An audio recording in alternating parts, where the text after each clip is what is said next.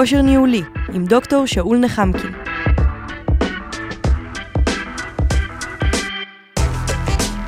והפעם, גישה ניהולית משלבת, חלק שני.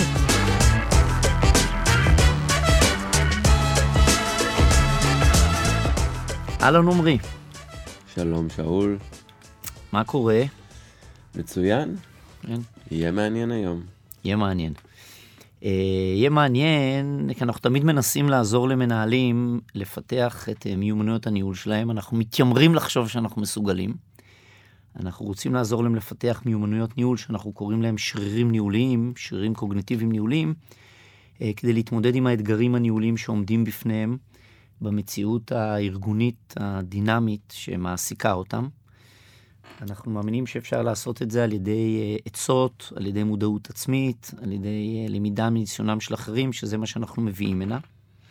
הטיזר שאני אנסה לעשות מתוך הניסיון שלך. מאז שהיית מנהל מוצר והיום שאתה מנהל משאבי אנוש, איפה היית יותר או פחות micro-manager? או האם הייתה תקופה שהיית micro-manager? כן, היו הרבה תקופות שהייתי micro-manager, ואגב, ההפרדה בין מוצר למשאבי אנוש בעיניי היא פחות רלוונטית, מהמם. בגלל שאני רואה המון דמיון אה, בין הדברים, ובסופו של דבר אנחנו באמת מתעסקים בהמון פרויקטים וב delivery של, של הרבה מאוד משימות. אז, אה, אז זה בעיניי פחות רלוונטי, אבל אין ספק שהיו תקופות שהייתי אה, יותר micro-manager, ושהרגשתי שאני נאלץ לעשות את זה, או אני לא יודע לעשות משהו אחר. אה, אבל גם בעולם הזה, אה, אה, או בציר הזה, באמת התפתחתי והשתכללתי, ונדבר על זה, אני מניח. בואו ניתן שם לציר הזה. אנחנו בעצם מדברים על מודל כללי שנקרא גישה ניהולית.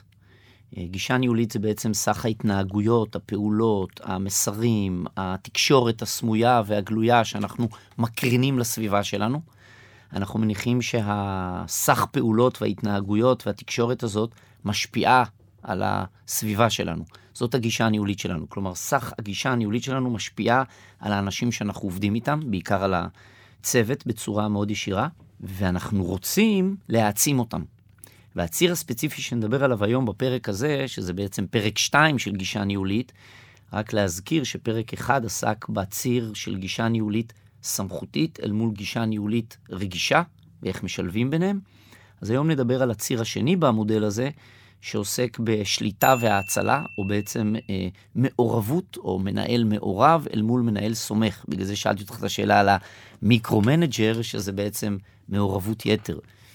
דרך אגב, לסומך יתר, או למנהל שיותר מדי סומך, אני נוטה לקרוא נוטש. מנהל שהוא לא יודע מה קורה בכלל, לא מעורב בכלל, אין לו מושג. נכון.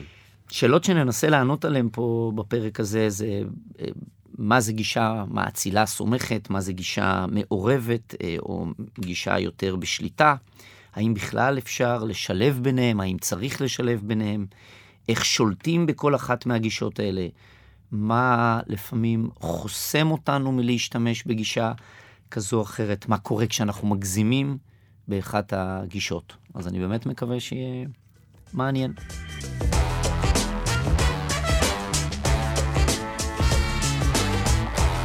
אז אמרנו בעצם כבר מה זה גישה ניהולית, גם אמרנו את זה בפרק הקודם. גישה ניהולית זה סך ההתנהגויות שלנו, סך הפעולות, התקשורת, כל מה שאנחנו מקרינים לסביבה, ואנחנו רוצים לפתח את, ה, את הממדים השונים של הגישה הניהולית, או התבלינים השונים של הגישה הניהולית, כדי שנוכל להשפיע על הסביבה שלנו ולהעצים בעיקר את האנשים שאנחנו עובדים איתם, כדי להשיג תפוקות או לממש את התכלית של הצוות, שגם על זה דיברנו באחד הפרקים.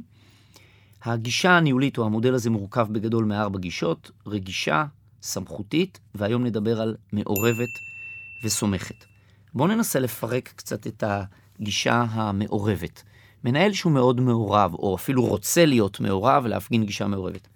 איזה פעולות הוא צריך לעשות ביום-יום, איך הוא צריך לתקשר בשביל שהאנשים שעובדים איתו ירגישו שהוא מעורב. ואני כרגע מדבר מעורב במידה. אה, אז בעצם מנהל מעורב זה מנהל שבאמת אה, יודע מה קורה. עכשיו, איך הוא יודע מה קורה? זה מנהל שמשמיע את, את, את הדברים שלו, זה מנהל שחונך, זה מנהל ש, שמכווין ו, ואומר את דעתו, אה, זה מנהל שנמצא שם בצמתים שונים של הפרויקט או של המשימה ונוכח. על ידי זה... זה הוא גם נותן דוגמה אישית כנראה, כי הוא לא, כמו שאמרת, הוא לא נוטש, הוא נמצא שם כדי להיות חלק מהמשימה. דוגמה אישית במעורבות שלו. אבל נראה לי שבשביל זה, ואולי זה כבר מעורר איזשהו חשש בחלק מהמנהלים, הוא צריך לבוא עם מטען מקצועי מאוד גבוה. קשה להיות מעורב בלי, לה, בלי להיות מקצועי. כן, למרות שאתה יודע, אתה יכול להיות מנהל מאוד מאוד דעתן ולחשוב שאתה באמת עם איזשהו רקע מקצועי אה. מאוד רחב. אבל אה, כן, מן הסתם, אה, בדרך כלל המנהלים המעורבים זה מנהלים שמאוד ברור להם לאן הם רוצים ללכת, כנראה בגלל הניסיון שלהם והמקצועיות שלהם, ואז יש להם נטייה להכתיב או, או לנסות באמת להיות מעורבים יתר על המידה. אתה ביום יום מנהל מעורב במידה מסוימת בעבודה של האנשים שמדווחים אליך? קודם כל זה בא באמת בגלים, אני לא יכול להגיד שאני מנהל אה, לא מעורב. אה, אני כן מעורב, אני בוחר את ה... אני בוחר איפה אני רוצה להיות או איפה אני צריך להיות. אבל אתה עושה את הפעולות שמנית, זאת אומרת אתה מדי פעם חונך ויורד לפרטים ומכוון וכן הלאה. מאוד חשוב. כשעברת מלהיות מנהל מוצר לתחום משאבי אנוש, יכלת להיות מעורב באותה מידה איך עשית את זה? זו שאלה מעניינת, כי, כי המעבר, בגלל ששיניתי בעצם את התחום בדיוק, המקצועי שלי, כן. נאלצתי באמת לחדד לעצמי ולשייף לעצמי כל מיני התנהגויות שהיו לי אה, אה, פחות כשהייתי בעולם המוצר, כי כשהייתי בעולם המוצר זה היה המקצוע שלי, משם צמחתי. אז היה לי יותר קל אה, להזדהות עם העובדים או להיות מעורב במה שהם עושים, לפעמים אפילו יתר על המידה. וגם קיבלתי את זה כאיזשהו פידבק מהעובדים, שאני מנהל שהוא יותר מדי micro-manager במקומות מסוימים, והייתי באמת צריך להתמודד עם הפידבק הזה. Mm-hmm. אה, כשעברתי למשאבי אנוש, אני בעצם מנהל דיסציפלינות שונות, שלאו דווקא יש קשר ביניהם. זאת אומרת, אני מנהל לדוגמה את דיסציפלינת הגיוס, ואני מנהל גם את דיסציפלינת הקומפנסציה ובנפיטס. Mm-hmm. אז, אז אין, אין, אין קשר ביניהם, ולכל עולם כזה יש את האיש מקצוע שמנהל אותו. ואז אתה שואל את עצמך, איפה אתה כמנהל? זאת אומרת, איפה אתה כמנהל, כשאני נכנסתי לתפקיד, היה לי איזשהו חוסר ביטחון, ואמרתי, אני הרי לא בא מעולם הגיוס, או אני לא בא מעולם השכר וההטבות, אז איך אני יכול לתרום? עם הזמן אתה משייף את, את, את הדבר הזה, אתה... איך? מה עשית? למדת? א', ניסיתי ללמוד את המקצועות עצמם תוך כדי עבודה, כן. זה אחד. שתיים, באמת אה, שייפתי והבנתי איפה אני, עם הניסיון הניהולי שלי ועם ההיסטוריה אה, אה, הניהולית שלי, איפה אני כן יכול להיות מעורב ואיפה אני יכול לתת בנפיט לעובדים שלי. Mm-hmm. אז לפעמים אני משחרר ואומר, פה אתם תחליטו, אתם אנשי המקצוע. אבל לפעמים יש מקומות שאני אבוא ויגיד, אני חושב שצריך להתנהל אחרת, או אני חושב שצריך להגדיר את המשימה יותר ברור, או אני חושב שצריך להגדיר את התפוקות אה, יותר ברור, כדי להיות יותר טוב. אבל כמעט תמיד, לפחות פה בישראל, אנחנו פותחים פה בעצם סוגריים, כי זה לא הנושא העיקרי, למרות שזה עוסק בגישה מעורבת, אני חושב שאי אפשר להיות מנהל מעורב בלי להבין מקצועית במידה מסוימת. ואני נשאל הרבה פעמים על ידי מנהלים, רגע, מה, עכשיו כל מנהל חייב להבין מקצועית, ואם פתאום אני עכשיו מנהל מישהו בתחום שעד היום לא הכרתי, אז אני אומר, כן, אתה צריך ללמוד. עכשיו, אתה לא צריך ללמוד לרמת מומחיות, אבל אתה צריך ללמוד כדי שתוכל לנהל שיחה אינטליגנטית עם האנשים שלך. נכון. למשל, אמרת, אני חושב שצריך לחדד את התפוקות יותר טוב. אולי בארצות הברית כשאתה נותן הוראה כזאת, אתה אחרי זה יכול לקום ולצאת מהחדר ולהשאיר אותם. פה בישראל, חוסר ההיררכיה, שאני גם חושב שיש בה המון יתרונות, היו אומרים לך, רגע, רגע, רגע, בוא, בוא תחדד מה, אל תגיד לנו תחדדו את התפוקות ותלך לך. נכון. זאת אומרת, זה לא פשוט לנהל ולהיות מעורב בלי שאתה מבין מקצועי. ולכן אני אומר, א', אתה צודק, כמובן שאתה צריך להתמקצע, ואם אתה לא מכיר עולם מסוים, ללמוד. אתה צריך להתמקצע וללמוד אותו. דבר שני, בעיניי הדבר הכי חשוב כמנהל, זה לדעת לשאול שאלות. מצוין. אה, ואם אתה שואל את השאלות הנכונות, גם בעולם הניהול וגם בעולם המקצועי עצמו, אז אתה, אתה מצליח לכוון את עצמך אה, ואת העובדים שלך לאן אתה רוצה להגיע. אה, לשאול וזה... שאלות דרך אגב, או להתייעץ, זה כבר למשל גישה ניהולית סומכת. ואנחנו מדברים על הציר הזה של מעורב, שמכוון, נותן הנחיות, אה, חונך, והצד השני של הציר זה הסומך, שזה שואל שאלות, מתייעץ. אגב, אני רואה את שאלת השאלות גם בעולם של, ה, של המנהל המעורב. זאת אומרת, כשאני שואל שאלות, אני מאתגר את הצד השני. כשאני שואל שאלות, אני מכווין אולי את הצד השני למקומות שהם חשובים לי. אבל איך הוא חווה את זה? כשאתה שואל אותי שאלה, אני לא על נותן שאל- פקודה, נכון, אני לא נותן פקודה. אני חווה את זה כזה שאתה סומך עליי, כלומר, אתה נותן לי עכשיו את המקום. ואני לא מדבר על שאלות רטוריות, שאני כבר יודע שאתה יודע את התשובה עליהן, כי אז להפך, זה נראה לי אפילו קצת micro-management, כאילו אתה משחק איתי משחקים.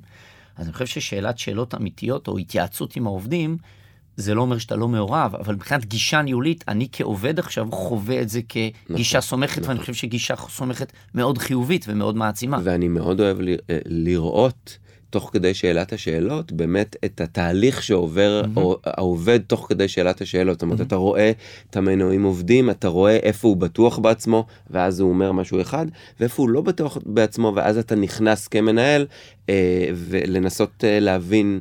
אה, מה עושים עם החוסר ביטחון, או מה עושים עם הדברים ש, שהם לא למשל ברורים. חונך אותו. אז ראית, איך, וחונך, ראית כן. איך תוך כדי שילבת עכשיו בהתחלה קצת גישה סומכת, והופ, תוך כדי גם עברת לגישה קצת יותר מעורבת. מעורבת, כן. וזה ממש התקווה שלי שבסוף הפרק הזה מנהלים ירגישו שהם ממש מסוגלים לשלב את הגישות, כי זאת המטרה. אבל בשביל לשלב אותם אנחנו צריכים לפרק אותם.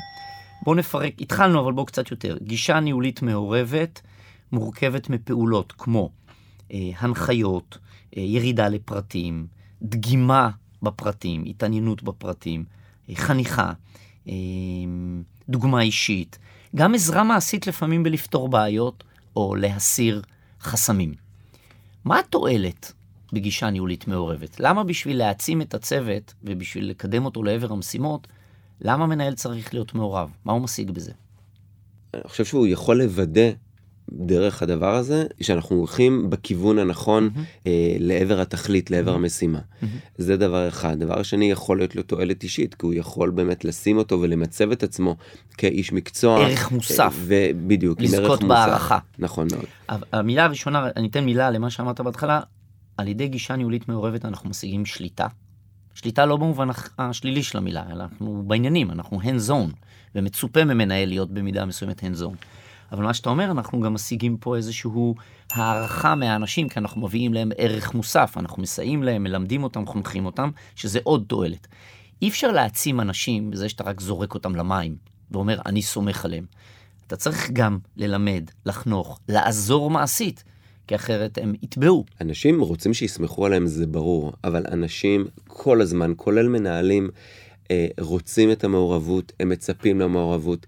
כשהם מרגישים שסומכים עליהם יתר על המידה, ואתה דיברת על זה, הם תופסים את זה כנטישה. נכון. איפה אתה היית כשלי היה קשה?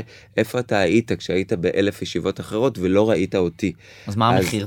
נטישה, מה עוד? איזה עוד מחירים נשלם אם אנחנו נגזים, סליחה, לא נהיה בכלל מעורבים, בעצם אני רוצה להגיד נגזים בסומכת. חוץ מנטישה, מה עוד קורה פה? אם אתה רק סומך ובכלל לא מעורב. א', אני עלול להתפשר על המקצועיות. נכון. אה, אני עלול בסופו של דבר לא להגיע למשימה כפי שאני רציתי להגיע אליה. פשלות. אה, דברים כן, נופלים, פשלות. מתפזרים. כן, כן, כן. אני חושב שאתה מאבד שליטה.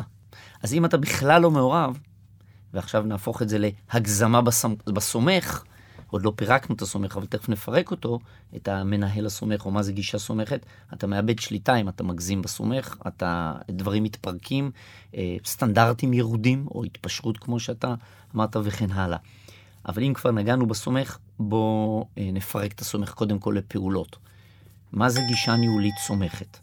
אז אמרנו למשל, זה להאציל אחריות לאנשים, לתת לו אחריות ולא להתערב לו באיך לעשות את זה. אז אנחנו גם מאצילים אחריות, ואנחנו בעצם גם מאצילים סמכות, סמכות למשל בלתכנן איך לעשות. אבל אמרת קודם גם לשאול אותו שאלות. כשאתה שואל אותו שאלות, לא שאלות מכוונות שאתה יודע את התשובה, שאלות פתוחות באמת של, תגיד, איך אתה מציע שנעשה את זה? יש לך איזשהו רעיון? מה אתה חושב על זה? אפילו לבוא בתור מנהל ולהגיד, אתה יודע, אני מתלבט, אני ממש אשמח לשמוע את הדעה שלך, אתה בכל זאת מכיר את התחום הזה לא רע. אני זה- משתף אותך במשהו, אני משתף אותך בדילמה, בוא נדבר עליה. בדיוק. אה, מתייעץ. נכון. מתייעץ זה פעולה סומכת. אז גם האצלת אחריות וגם האצלת סמכות וגם התייעצות.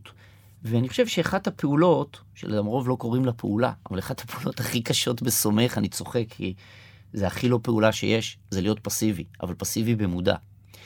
אני אדגים, כש, כשאתה רואה שעובד שלך אה, מוביל איזה מצגת. זה פעולה כי אתה מתאמץ להיות פסיבי. בדיוק. להחזיק את הכיסא ולא לתפוס את המקלדת בשתי ידיים, או לא לקום ולהתערב, או לא לומר. אבל אני אסכם אותה במילה, סובלנות, איפוק. זה ממש פעולה שהיא נתפסת בעינינו כמאוד פסיבית, אבל כשהעובד שלך או מישהו בצוות שלך יודע שאתה עושה את זה במודע, הוא חווה את זה כסומך עליו. לא בקטע של אני מסובב את הראש ולא ראיתי ואני לא יודע ולא אכפת לי, כי זאת נטישה. אבל אם הוא רואה שאני רואה אותו, ואני עושה לו אפילו נהון עם הראש שזה בסדר, אבל אני לא אומר ואני לא מתערב, ואני לא פועל במקומו, ואני לא אה, קופץ ואומר לו, תן לי, אני אעשה את זה. גם אפשר לעשות את הדברים בצורה שהיא, שהיא חכמה. אתה יכול לשלוח בן אדם לעבר משימה ולהגיד, אני סומך עליך, תלך לישיבה בלעדיי. אני סומך עליך שתייצג את מה שצריך לייצג, ותנהל את מה שאתה צריך לנהל. אחרי זה בוא נדבר על זה. בוא נדבר על מה שהיה שם. נלמד בוא תעדכן אותי על מה שהיה שם. נלמד בזה ונחליט אם זה הדרך הנכונה. זאת אומרת אתה יכול לשלוח אותו למשימה ולסמוך עליו ועם זאת לדעת מה קרה שם ו- to lead from behind מה שנקרא. נכון. להיות מאחורה ולתת לו את הגיבוי. עוד פעם שילבת את שתיהם, שוב שוב זה מראה כמה אנחנו חייבים לשלב אותם. כי אם עכשיו הייתי רק סומך בצורה קיצונית, הייתי אומר לו, אני סומך עליך, שתלך לישיבה ותתמודד איתה, ואתה לא צריך אותי, ורוץ. אבל אחרי זה כבר לא הייתי בכלל שואל מה היה בישיבה, ולא הייתי שואל איך, איך הלך, ולא הייתי מנסה לברר אם זה הצליח, ולא הייתי נותן לו עצות איך להתכונן אליה, זה אובר סומך. ואז אמרנו, אנחנו מאבדים שליטה וכן הלאה. נכון מאוד. לכן אנחנו משלבים ביניהם. יכלתי ללכת לקיצוניות השנייה, של ללכת איתו לישיבה, ולדרך אגב, אני רואה המון ארגונים שבהם המנהלים לוקחים איתם את העובדים לישיבה, או הולכים איתם, לא רק לישיבה, יושבים איתם על המקלדת ועושים להם את העבודה, אנחנו קוראים לזה micro-management. או דוגמים אותם כל אה, אה, חמש דקות, נו מה קורה עם זה, נו מה קורה עם זה, וזה לא משנה אם זה ב Slack או בוואטסאפ או ב... ה micro-management הזה, זה הגזמה במעורבת. ועל הדרך אתה גם פחות אפקטיבי, ובכלל, כל הזמן להיות בפגישה כזו דו-ראשית או קבוצתית, זה מאבד אפקטיביות, ועל הדרך אתה גם, אתה מאבד את העובד בסופו של דבר. למה אתה מאבד אותו? כי אני חושב שהעובד, אתה צריך אה, לגדל אותו, דיברנו על זה גם בפרק הקודם, אתה צריך לגדל את העובד, העובד צריך, צריך להיות מאותגר וצריך לעבור איזושהי דרך. אה, ולכן אם אתה אה, לא סומך עליו ואתה, ואתה micro manager אז אתה לא מגדל אותו כי הוא. רגיל שאתה תהיה שם תמיד לצידו וגם להפך. אה, אז אנחנו תמיד צריכים לסגור, לזכור את זה כשאנחנו עובדים עם, עם עובדים. נכון ו- ויש פה עוד מחיר אתה נהיה צוואר בקבוק.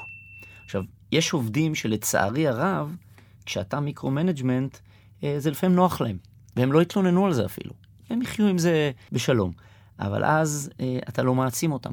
ואתה בסוף הדברים יפלו לך. מרוב נכון. זה שאתה רוצה להיות בשליטה, הדברים נופלים לך בין הידיים, ואתה קודם אמרת גם שאתה עובד היום עם אה, מוטת שליטה מאוד רחבה, ואין סיכוי שאתה תהיה אה, בשליטה על הכל. ולכן צריך לשלב את זה.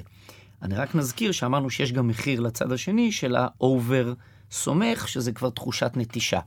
אז כשאתה over אה, מתערב, אתה מקטין בסוף את העובדים, וכשאתה over סומך, אתה נוטש אותם, וזה גם בסוף גורם לסוג של כלפי, הקטנה. כלפי העובד אתה, נכון. אתה נוטש, כלפי המערכת אתה לא מספיק אחריות, שולט, נכון. אתה, אתה חסר אחריות, וכן, אתה לא מספיק hands on. נכון. מה שהייתי מציע לכל מנהל בשלב הזה, אחרי שפירקנו כל אה, גישה מעורבת וסומכת למרכיבים ולפעולות, וזה כבר ברור שאם אתה רוצה, אתה יכול להיות גם מעורב וגם סומך ולשלב ביניהם, כי זה בסוף פעולות. אני מציע לכל מנהל לזהות בעצמו, למקם אותו על הציר, ולשאול את עצמו, בכל זאת, איזה מבין שתי הגישות אני אולי לא משתמש בה מספיק או מגזים בה.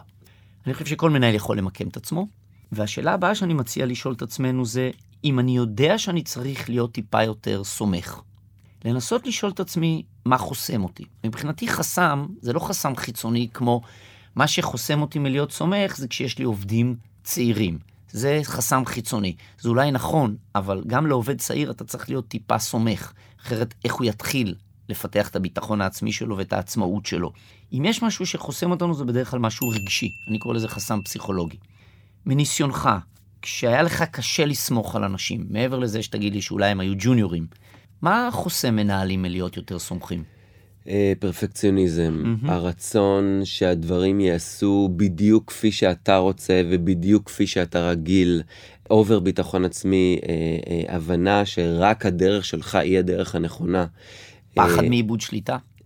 פחד מאיבוד שליטה, זה טוב שאתה מעלה את זה, זה אחד מהדברים הכי משמעותיים. בסופו של דבר אתה כל הזמן, אה, או הרבה מנהלים, יש להם נטייה אה, אה, או רצון להיות בשליטה מתמדת. אגב, זה מתחבר גם למה שאמרתי קודם, להיות בשליטה מתמדת כי אתה יודע מה צריך לעשות ואיך צריך לעשות את הדברים. ויש אשליה, כי אנחנו חושבים שאם נהיה מאוד מאוד מעורבים, נוכל להיות בשליטה מתמדת, אבל אם אותה שליטה רחבה, בסוף נאבד שליטה. נכון. וזה אבסורד.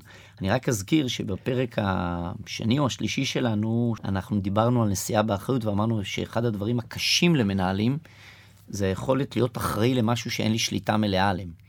ואם אתה לא יודע לשלב גם מעורבות, אבל גם לסמוך, אתה בסוף מאבד שליטה. אני חושב שמנהלים גם כשהם לא סומכים, אז הם אה, נוטים לקחת על עצמם יותר מדי.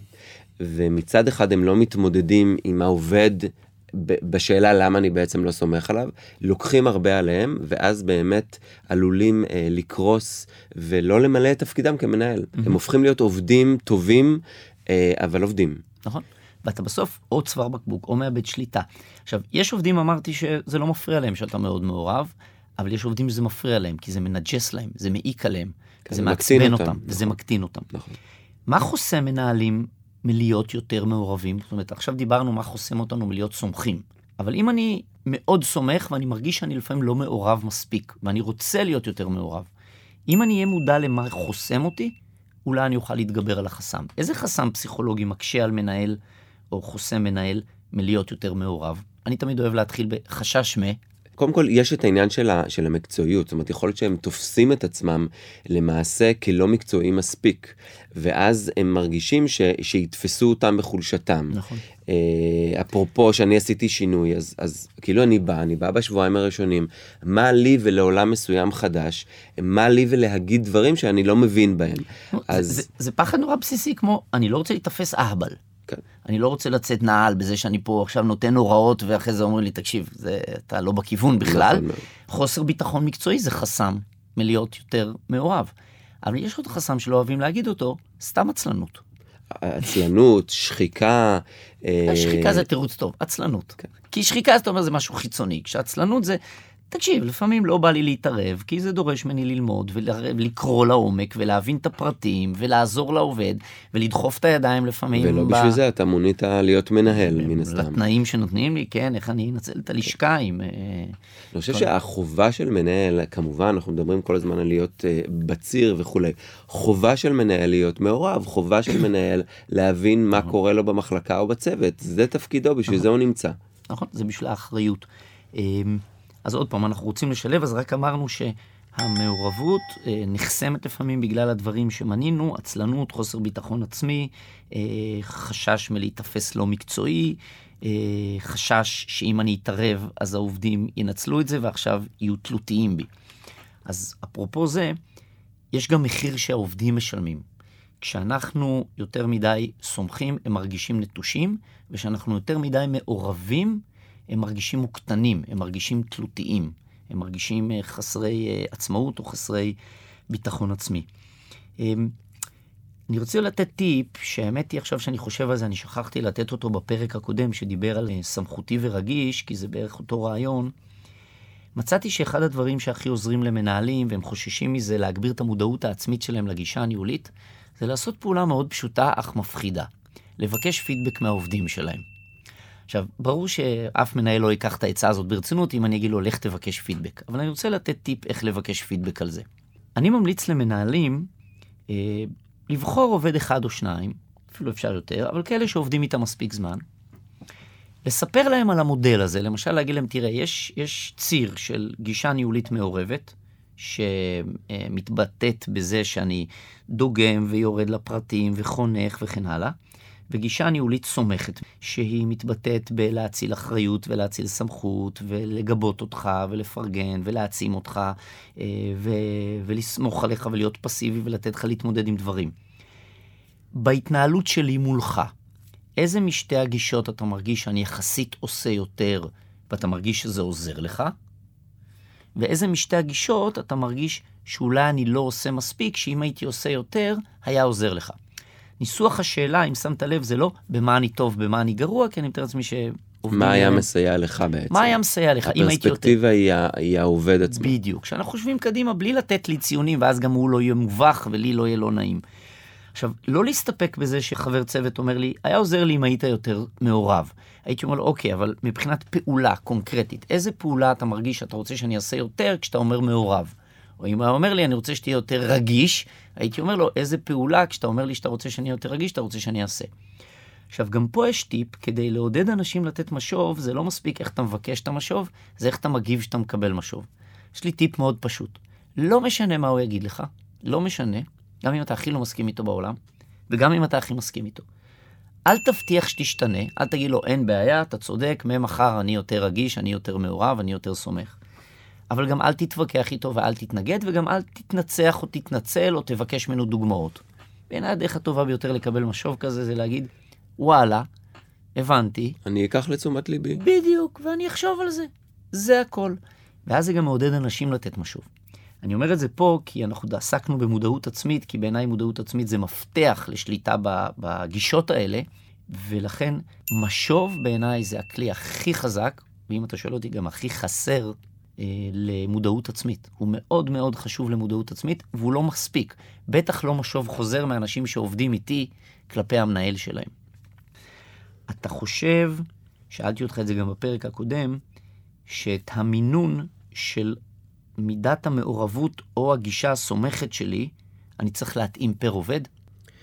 Uh, מן הסתם העובד הוא, הוא פקטור, mm-hmm. אוקיי? העובד הוא פקטור בצורת ההתנהלות שלי, אבל אני אגיד את מה שאמרתי בפרק הקודם, יש אותי ויש את האופי שלי, יש את איך אני כמנהל ואיך אני מתנהל כמנהל, mm-hmm. זה צד אחד. יש באמת את העובדים, מי הם העובדים שלי, מה רמת הניסיון שלהם, מה רמת המקצועיות שלהם, אה, אה, מה הם מביאים לשולחן. אה, אני צריך לעשות התאמות בכל האזורים.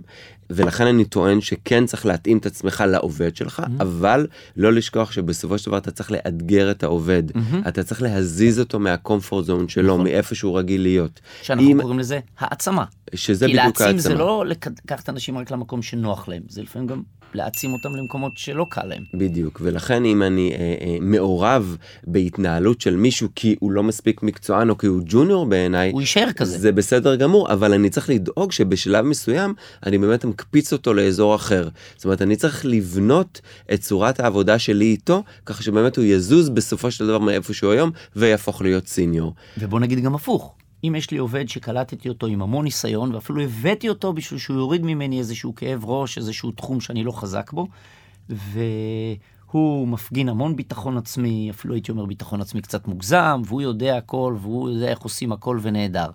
יש לו מנהט מנהלים שאינסטינקטיבית ייקחו סטפ בק כזה, לא יישענו אחורה, יגידו, אוקיי, אני לא מתערב לו בכלל. אבל גם פה יש מחיר. אם אתה בכלל לא מתערב, א', אתה לא תהיה בשליטה על מה שקורה שם. ב', באיזשהו מקום, בסוף, הוא לא סופר אותך בכלל. זאת אומרת, אז, אז מה אתה בשבילי? למה שאני אתן לך איזשהו ריספקט אם אתה לא מעורב בכלל? בואו נסכם את מה שהיה לנו. לכן, לסיכום, אני חושב שפר עובד אולי צריך קצת להתאים את עוצמת כל אחת משתי הגישות, או אם עכשיו כבר אפשר לסכם, כל אחת מהארבע גישות. אני מזכיר שהיום דיברנו על מעורב סומך, אבל גם דיברנו בפרק הקודם על סמכותי רגיש, אז פר עובד אני חושב שצריך קצת להתאים את המינון, אבל לא להזניח. כלומר, משפט בעיניי מסכם טוב, זה שכל בן אדם שעובד איתנו זקוק לכל הארבע גישות. הוא זקוק שנהיה גם רגישים, גם סמכותיים, גם מעורבים וגם סומכים. ומה שעשינו פה היום, ספציפית בפרק הזה, דיברנו על הסומך מעורב, דיברנו על איך אפשר לפרק אותם לפעולות, כדי שנוכל לחזק גישה שאנחנו רוצים לחזק. דיברנו על התועלת של בכל גישה, על המחיר שמשלמים אם מגזימים בה. דיברנו על החסמים שיכולים לחסום אותנו מלהשתמש בגישה כזו או אחרת יותר, והמודעות לחסמים יכולה לשחרר אותנו או לאפשר לנו אה, להשתמש בגישה. ושוב, סיכמנו את זה שפר עובד זה טוב לשנות את המינון קצת, אבל לא להזניח שום גישה. אפשר להתייחס לגישות האלה קצת כמו אלה תבלינים. צריך להשתמש בכל התבלינים, בבישול הניהול או בניהול או בישול. נקרא לזה ככה. כן, אנחנו מדברים על שרירים, על מיומנויות, זה בדיוק, אה, ארבעת הגישות האלה זה דוגמה לזה. אחלה, מקווה שהיה מעניין. תודה רבה, שאול. תודה, תודה, עומרי.